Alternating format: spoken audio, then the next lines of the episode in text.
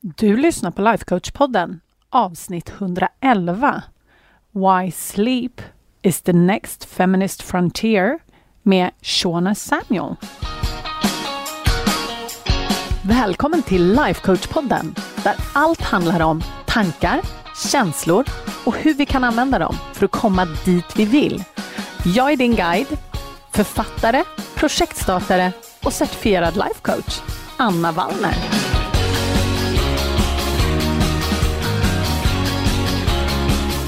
Hej på er! Idag är jag superglad att meddela att jag har Shona Samuel med mig på podden. Och hon är coach primärt skulle jag säga för karriärskvinnor som försöker få ihop livspusslet. Och hon har en podcast som heter The Mental Offload.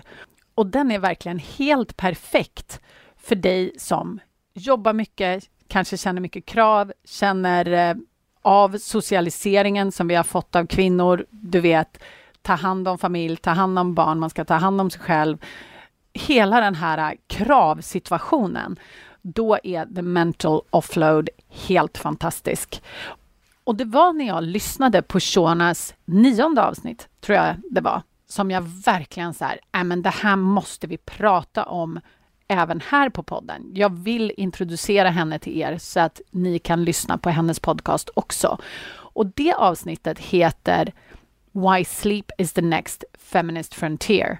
Och det resonerade så hårt med mig och allt Shona sa. Så att jag kontaktade henne omedelbart och sa snälla Shona, du måste komma på podden. Och lyckligtvis så gick hon med på det. Så utan further ado, här är Shawna Samuels.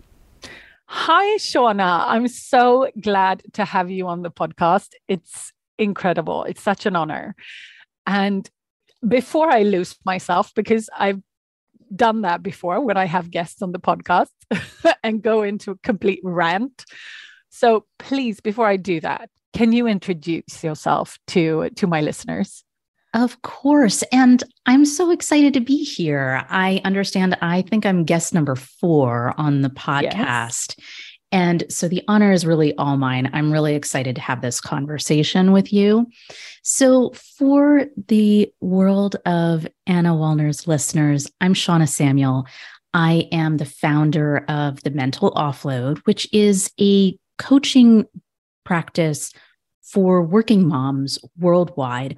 I work I work mainly with clients who are in demanding professional roles and are trying to balance raising kids with busy work lives. So that's a little bit about what I do, but I come to this work from a pretty long corporate career in financial services. And so I bring a lot of what I learned over the course of MBA studies and work at a demanding level in finance to the work that I do now. It is so cool. It is so cool. Thanks. And you have also started an absolutely fantastic podcast called The Mental Offload. Yes, and- indeed. The Mental Offload podcast. And that launched in January. And we're about 10 episodes in, and it is wonderful. So yeah, it, it is so fun, isn't it? Yes. And I have been listening to it from the start, of course, and I've been thinking about asking you to come on the podcast. But now, when I listen to, I think it was episode number nine or something, I was like, okay, seriously, we need to talk about this. I mean, you bring so many different topics to your podcast, and they are all super good. But it was like that one sort of kind of punched me in the gut a little bit. Mm. So here we are. We are going to talk about it today. And the topic is sleep. We're going to talk about women and our sleep. And it's just, it's so important. And maybe we don't think about it that much, but if you, yeah, let's just say that it's important. And Shawna has all the details.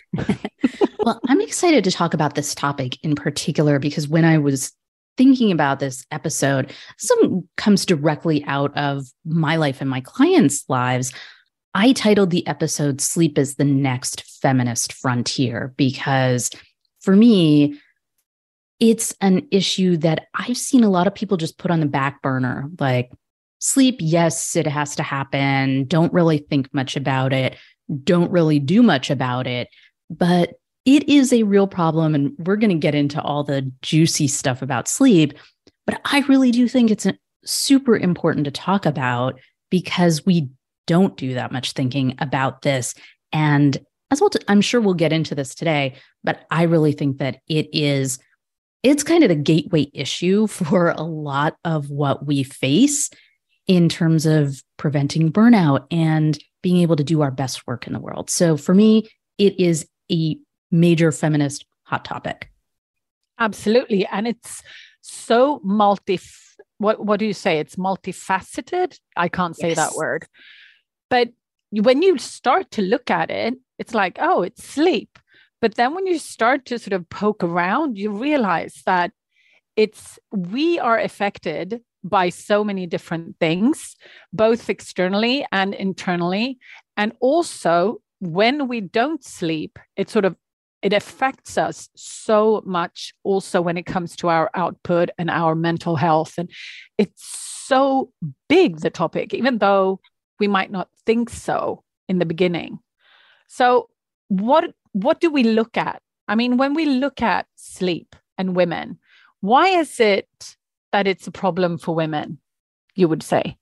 Yeah. Well, maybe I'll start just by taking one step back because I think sleep is a problem for many people, not only women, but you know, if you look in most cultures right now, we have what's called sleep debt. And the idea of this is just that ideally the the folks in the know recommend that we get about 7 to 9 hours of sleep per night. And in most cultures, especially western cultures, we're not getting that much sleep. And I was looking at some statistics about Sweden and Sweden the average amount of sleep, just overall across the board, people spend six hours, 10 minutes per night in bed. So, not necessarily asleep, but in bed. So, we're already starting at a deficit overall. So, I think it's important to know there, um, there is sleep debt, and this is a thing that exists. But then when we get into why this is an issue for women in particular, well, the statistics on this are a little bit nuanced. And so, what I want to say about women and sleep is a couple things. One is that it's really hard to know whether the needs are bigger or smaller for women. But to the extent that we have some data on this, it looks like women actually need a little bit more sleep than men on average. And much of that is because we're carrying the mental load of our households. And that is exhausting. you know, I was yeah. I was trying to get some sleep the other night and I remember um you know, I, I could hear my son up and starting to get ready for school. And even though I was trying to sleep in a little bit more, my brain was already spinning about things that he needed to do and and shouldn't forget. So I remember kind of bolting up in bed, even though my alarm hadn't gone off. And I was like, don't forget your water bottle. Did you pack this? Do you have this ready to go for school? Yeah. So many of us have that going on in the background, even when we're trying to sleep. And so we actually need extra sleep to help make up for carrying that mental load. Yeah. And I think this, you describe it so well. It's like something going on in the background. It's like a background soundtrack. And I think so many women, it, I, and I don't think it has to do with if you have kids or not. Of course, when you, when you, when you get kids, there, it's a whole different ball game. But when I talk to my clients, some of them don't have kids and they still have this soundtrack at the back. I'm not saying men don't have it, but all the mem- uh, women I meet, they they have this and it's exhausting. Yeah, absolutely. Whether or not you have kids, women in many cultures are socialized to be in charge of the house in some way shape or form. And so we carry that around as as you put it like that background soundtrack about you know don't forget to do this or add this to the to the grocery list. All that stuff ends up sitting in the back of our mind and carrying it around is heavy and it requires some extra rest to get through it. And then we'll talk about how that actually ramps up a little bit over time. Yeah, but I really, of course, my husband always says, Anna, it's not everything is not about you. But and of course, of course it isn't. But when I listened to your podcast, I just was transferred back in time when our kids were two and newborn or like three and one or something like that and I just didn't sleep. But it was not only the fact that I didn't get my hours, it was also that I didn't get like quality sleep because I got woken up, or I also, uh, I mean, I woke up by myself. And I actually read a super interesting study made on women with kids, women without kids, men with kids, and men without kids. And like who wakes up out of their deep sleep uh, to baby sounds? And first it was women with children then it was women without children then it was men with children and last not surprisingly men without children. So even though you don't have children that is like a noise that will like you say bolt you out of your sleep. And i woke up at like sounds that my husband never ever even heard.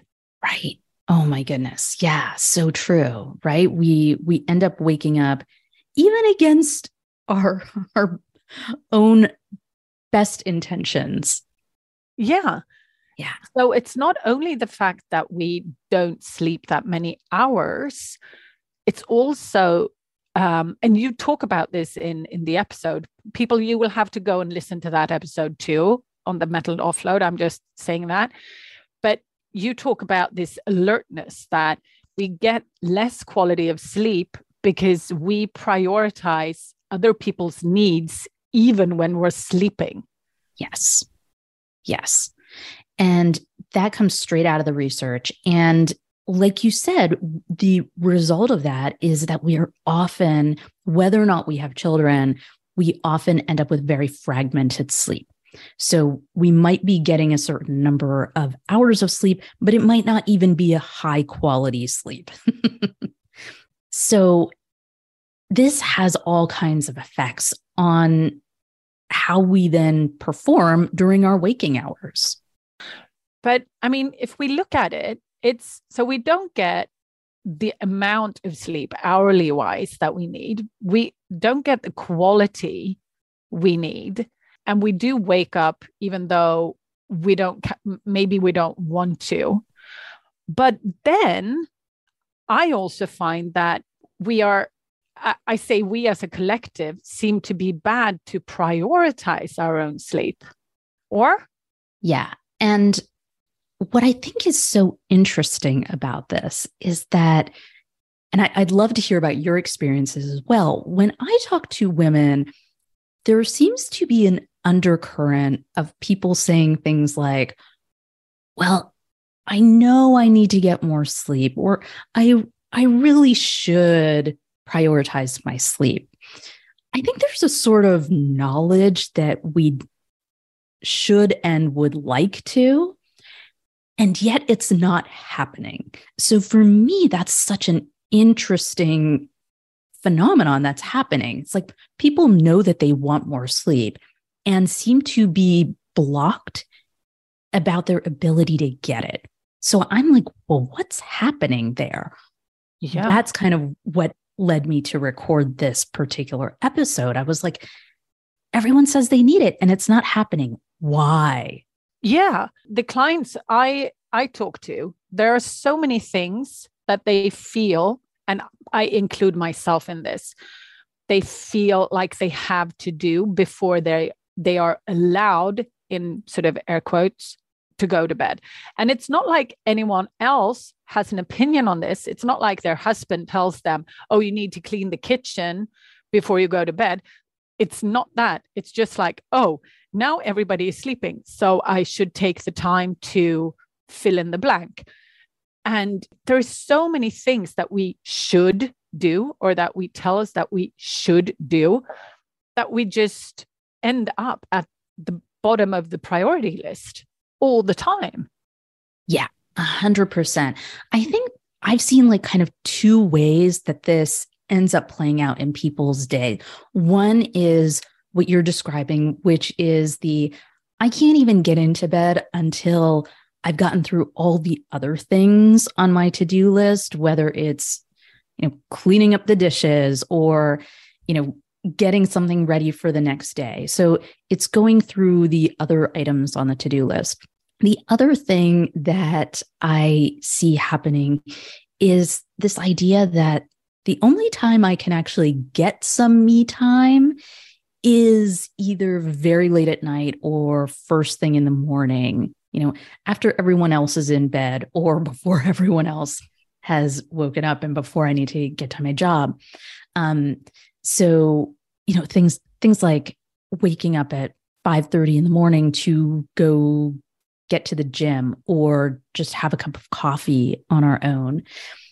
So there are, whether it's in pursuit of the to do list or in pursuit of fleeting amounts of solo me time, our sleep ends up falling to the bottom of the priority list.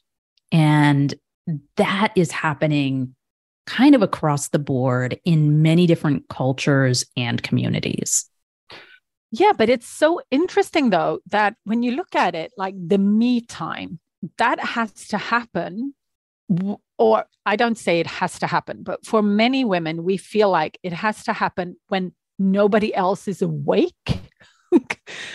because when people are awake, our main job is to cater for everybody else or at least be present even though if we we don't cater at the moment it's like oh i should be there if anything happens so then we yeah it's just another way of squishing ourselves out in the margin a hundred percent, Anna. I think that um, one of the things that we see, and this comes directly out of our socialization, is that we are not quote unquote supposed to take time for ourselves if it's at the expense or making someone else's life uncomfortable. And those someone else's, they could be our kids, they could be our spouse and partners, they could even be our colleagues and our our bosses in some case. But we've been socialized to believe that everyone else's needs should be met before our own and so then of course if if we're working off that socialization the only quality me time that we can get is when we're not inconveniencing anyone else Mm.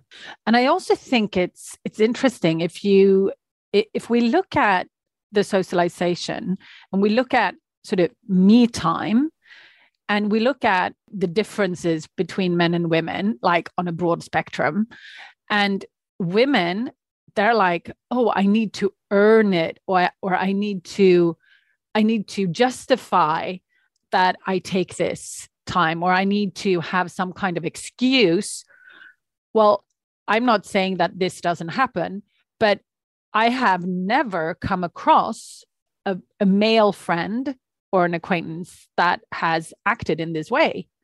They're just like, I'm going off to play rugby. See you in two hours. Bye. And there's like, there's no excuse. There's nothing. And I'm not saying that this is a bad thing, but it's just interesting that we, many of us at least, make excuses or I don't know. It's like we we're not allowed to own our own time. It's not our time. So when we take some time, it's like we take time from someone else, which is frankly absurd. Yeah. Yeah. Right. But it seems it seems so logical in the moment. yeah. And then we kind of see the knock-on effects, which is that if we only are quote unquote allowed to take time for ourselves when it doesn't inconvenience anyone else, then that typically ends up coming at the expense of our own sleep. That's the only block of time left, right? And what we tend to ignore is that we need both things. We need rest, true shut eye when we are out and our bodies are are recuperating. And we also need time for ourselves when we are awake, when yeah. we're doing things that restore us psychologically and emotionally and mentally, intellectually. So we need both of those things. And I think for many of us, we're we're trying to do one at the expense of the other. Yeah. But when when we don't do these, I mean, we sleep, we don't sleep enough and we don't recuperate in other mental ways that we can. What is the result when we do this? So I think there are a couple of results here that are unfortunate. and I'll talk about the really immediate result, which is that when women operate in this way for too long, that sort of accumulated sleep debt can send us on the path to burnout. Because what we are losing, we're losing the resources to then both go out and perform our best the next day, but also we're just more tired. We do not have the energy that we need to keep going. So there's that really immediate effect, which is that this impacts our performance and it can lead us down path to burnout. I think there's another thing that happens in terms of results that's really disconcerting. And this is, again, one of the reasons why I think this is such a feminist issue. When you start to introduce things like, for example, having a partner or having kids into the equation. One of the things that I've noticed, and this became, I think, a huge issue during the pandemic, but it also typically happens right when you introduce a young child. If you are in a heterosexual relationship and you are the breastfeeding partner, often we start to be the one who does the night wake ups, for example. And if, again, if you're the breastfeeding partner and you're the only person who can do that role, then that is understandable. But the problem is when that starts to become a habit, right? When we really start to say, well, I'm going to be the one who is taking on all the night wake ups, even if it's to change a diaper. And then that sort of turns into, well, I'm going to be the one who gets up early and makes sure that everything is ready to go before childcare drop off. It becomes, you know, the other person really needs their sleep because if they're the higher earner in the household, their sleep becomes more important. All of this starts to set up an inequality of sleep within the household about whose sleep is more important, whose quality of sleep really matters. And then what starts out as an inequality of sleep becomes kind of the gateway to unequal uses of time, even during waking hours.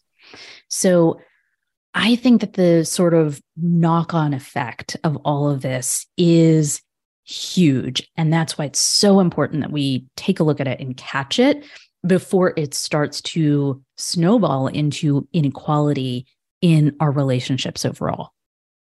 Yeah, but I think what many women have experienced is the sm- snowball effect. It's like, okay, I'm the breastfeeding person. That's what I do. and then like you say then it spills over into other areas and also i mean a lot like this study that i i brought up with like who wakes up first when the child makes a noise i've heard it over and over again women saying like yeah but if i'm going to wake my spouse up i mean for me to wake him up make him react that something is happening make him move and actually comfort the baby and put the baby back to sleep one I could have done it myself in less time. Two, I won't be able to go back to sleep anyway because I will just lie there and listen to them trying to sort of, or him trying to put that baby asleep.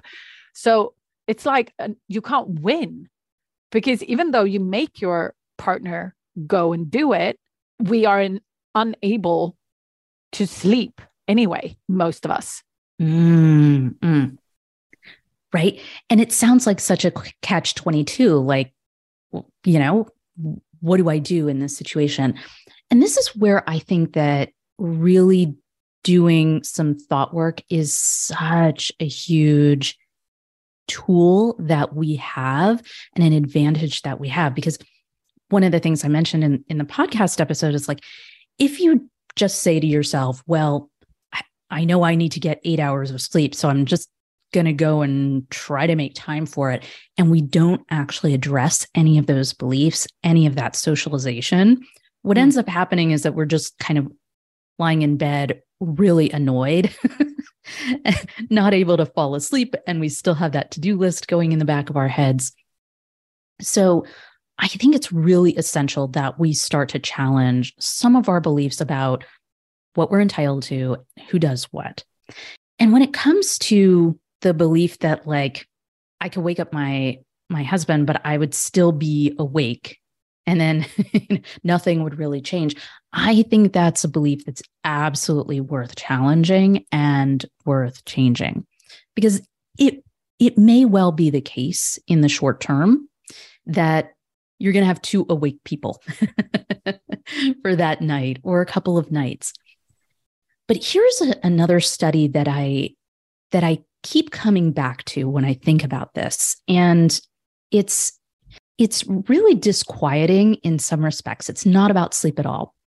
They did a study in the US, I believe it was, and it was on children who had very unfortunately drowned in a swimming pool. Now, the data on this is really strange. And this is why I'm going to bring this up here. They found that a child was actually more at risk of drowning in a swimming pool when there were two people watching over the child and not just one which sounds really weird, sounds really like bizarre, right? Why would that be the case? When they look at it, one of the reasons behind it is that each person, when there are two people, each person assumes the other one has it.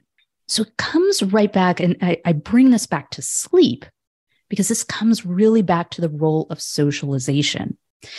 If you, as the woman, are expecting that you're supposed to be the person waking up, and if the other person is thinking someone else has it, those beliefs, that socialization, that ends up informing how we behave.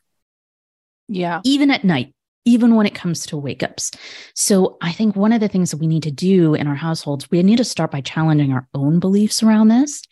And we need to start to then challenge those beliefs within our household and start to think about, well, what if I don't have to be the person who's got it? Mm. And really yeah. tactically, that could look like putting your husband, if, if, if you're in a heterosexual partnership, putting your husband or your spouse in charge of certain nights or certain times. I know some couples who are like, I've got 10 p.m. to 2 a.m. My partner has 2 a.m. to 6 a.m. And so just being really clear about who is the person in charge. Because again, if we don't challenge that and we don't start to have explicit conversations, then we're going to default to having people in our household potentially think someone else has got it. Yeah, 100%. And also, what I think is so interesting when we look at the socialization that many of us are completely swamped in is that with this caring and we're turning ourselves upside down and inside out to to be enough for everyone what happens i see a lot of the time is that we get annoyed and irritated and a little bit bitter because we feel stuck in this role and we can see it from like intellectually we can see that this is not good but we don't have the capacity because of our belief systems to take ourselves out of it and I've seen it again and again. And so many women come to me and talk to me about this. Like they can hear themselves say, like after, or say, wake up. And they can hear themselves say, no, it's fine, honey, I'll take him. Or they will say after dinner, no, it's fine, I'll, I'll clean up. And then they go like, why am I saying that? It's insane. Everybody can help, but no, they hear themselves say it even though they don't want to. Right? Isn't that funny? That default socialization just starts to kick in. And before we even think about it, the words come out of our mouth and we're like, what did I just say? yeah. Did I just say I was going to do the dishes? What? and and we know that we are a part of the equation. It's not everybody else's fault, but it's so interesting that we we have it in us and we try to break it and we don't want it but yeah it's it's so difficult and it leaves us being irritated and annoyed. And when we try to take care of our families or people we love from that feeling we don't really show up as the people we want to be so nobody wins in this game. When we play the game like this, everybody loses because the spouse and the kids, they get an annoyed and irritated and sleep deprived mother slash wife. And we feel like crap as well. So, what should we do? Shawna, tell us, what should we do about it? well, I I just want to come back to something that you just said, which I think is it deserves to be said again because it's so important and so profound. Nobody wins in this game, right?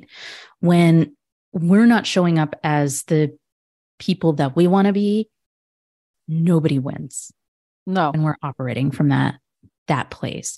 And this is where I think everyone is going to benefit from the work that you do, Anna, like helping women see and catch themselves in those moments where they're tempted to say, Oh, no, no problem. I've got this. I'll take care of it. Even when what they're really feeling is like resentful and bitter and put upon. So the the tools that you're teaching um, the women in your world are so so important for this. I think that's the first place that we need to start is like let's do some thought work and understand what we're really truthfully bringing to our families when we operate in this way. I also think there are some really tactical things that we can we can do. I really encourage people to do a sleep audit and I talk about this a little bit more in the podcast episode, but sleep audit, the idea here is really just looking back, even over the past week, and saying, how much sleep am I getting per night versus how much sleep would I ideally like to be getting? And in this day and age of wearable devices, sometimes we don't even have to do that much work to do a sleep audit. It's all right there on our wrist. But I think really just getting factual about where am I right now? Where would I like to be? And then making a plan to close that gap. Mm. So, again, the two of those things together, the sleep audit plus the thought work, I think are super important because otherwise, you're probably either just not getting enough sleep and being upset about it and slowly kind of grinding yourself down and developing health problems because of it. Or if you're trying to just change your sleep without doing the thought work, again, this is where we sometimes just end up in bed and we're in bed, but our eyes are wide open and our mind is racing. And we're like, I'm here, but I'm not getting any sleep. And that's typically when we're like, well, I should just go get up and sweep the kitchen floor since I'm not going to be sleeping anyway. Right. So we have to put those two things together to really start to attack the sleep issue. Yeah, that is so good because there's a, a lot of women that I know you meet as well. They have this problem with the racing brain and they have no idea how to stop it. And thought work is so crucial because when you learn to do it, and I always tell my women, you need to self coach. You need to self coach if you want to progress. Because, of course, I work with them and I love doing that, but it's still the main bulk of the work you do yourself in your self coaching. And when you learn how to do that, you can stop your brain when it starts to do that and go on a complete rampage. Because when it's in that set, then it's impossible. Of course, you can't sleep. Yeah. Yes. And that's the moments when we start to sabotage ourselves and sabotage our, our best laid plans of getting more sleep. Absolutely. I think that with the sleep audit, it's so, it's like so practical. Like, look at how many hours you get and see if that's enough for you. Because I've I've felt, I must say, that during this winter and also starting in like the the autumn, I felt that I needed more sleep. Normally I wake up really early, but I've just I have not been able to do that. But earlier years, I just sort of pushed through and I was like, no, I'm doing this But thanks to thought work and all the things, the coaching and all the things, now I actually tune inward and listen to my needs. And I'm fine with sleeping more when my body tells me that I need to. But this is a problem for so many women. And I think that's why we have the numbers of burnout. If you look at women versus men, it's super clear that this burnout issue is mainly female. Yes. Yeah, you are absolutely right.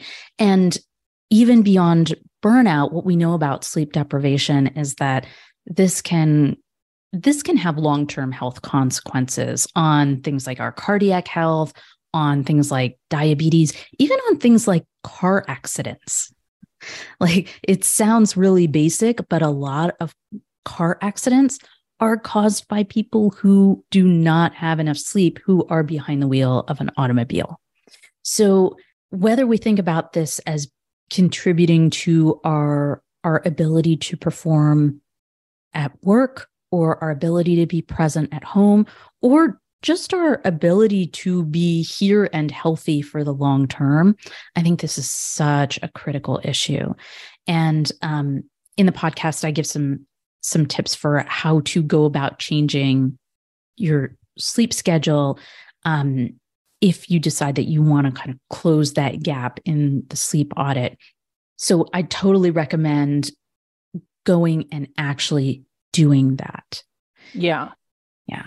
For sure. So we'll just, I think, Shawna, we, we should wrap up with that. Like, if they want more practical tips when it comes to how to close the gap, you lovely ladies, you need to go and listen to the Mental Offload podcast because Shawna is absolutely fantastic. So, Shawna, apart from that, before we wrap up, is there anything we've forgotten apart from the fact that you need to tell everybody where they can find you in, in the socials and all of the things? But talking about sleep, is there anything we've forgotten? Yes, there is one thing I came to think about. You talk about we as female leaders, we need to promote sleep so we can operate at our best. Do you have anything to add to that? Yeah, absolutely. I think that, and the way that I think about and talk about sleep is that this is the barometer for how we feel about ourselves and our own worth.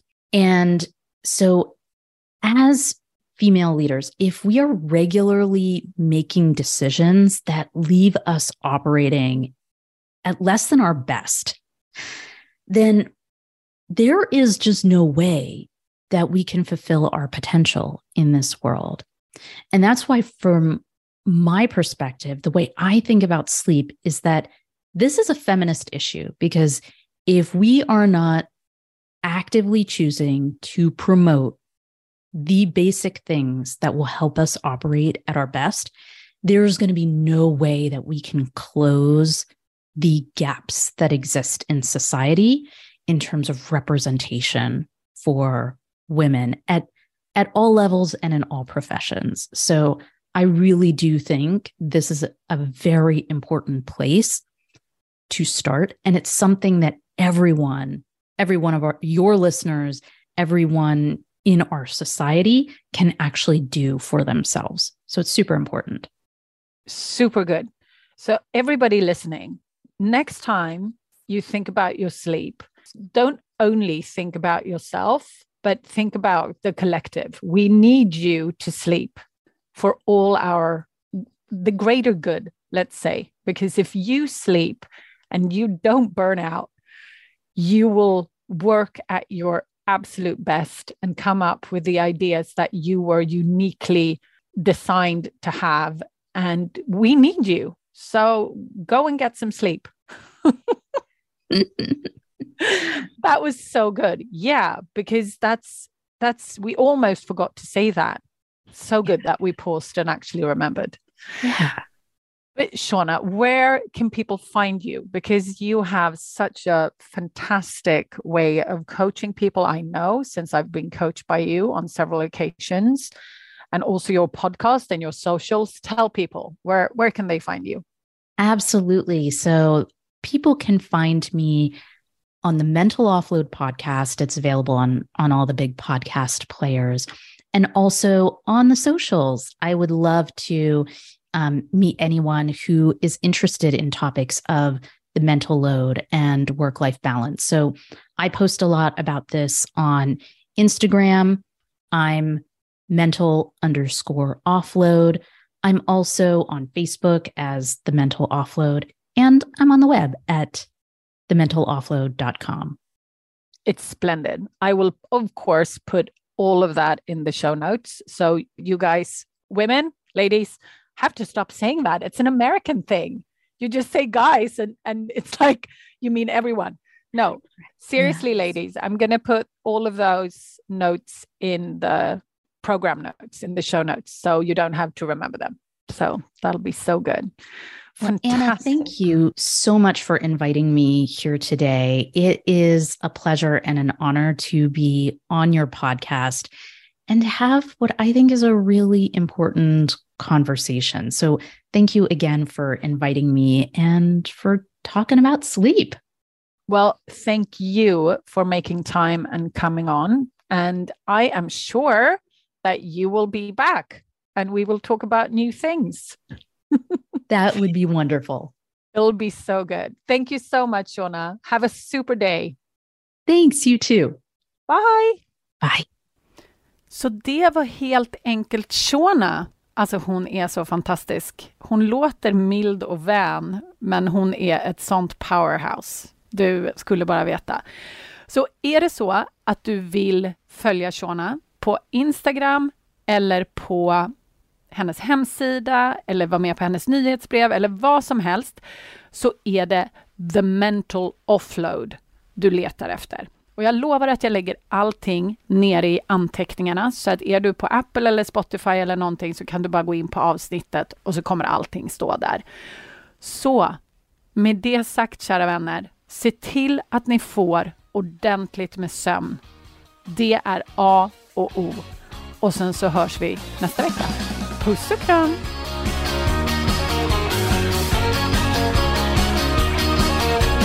Om du gillar vad du hör här på podden så måste du kolla in mitt månatliga coachningsmedlemskap. Där tar vi alla verktyg här på podden plus massor mer. Vi tillämpar dem och får våra hjärnor att jobba för oss istället för emot oss.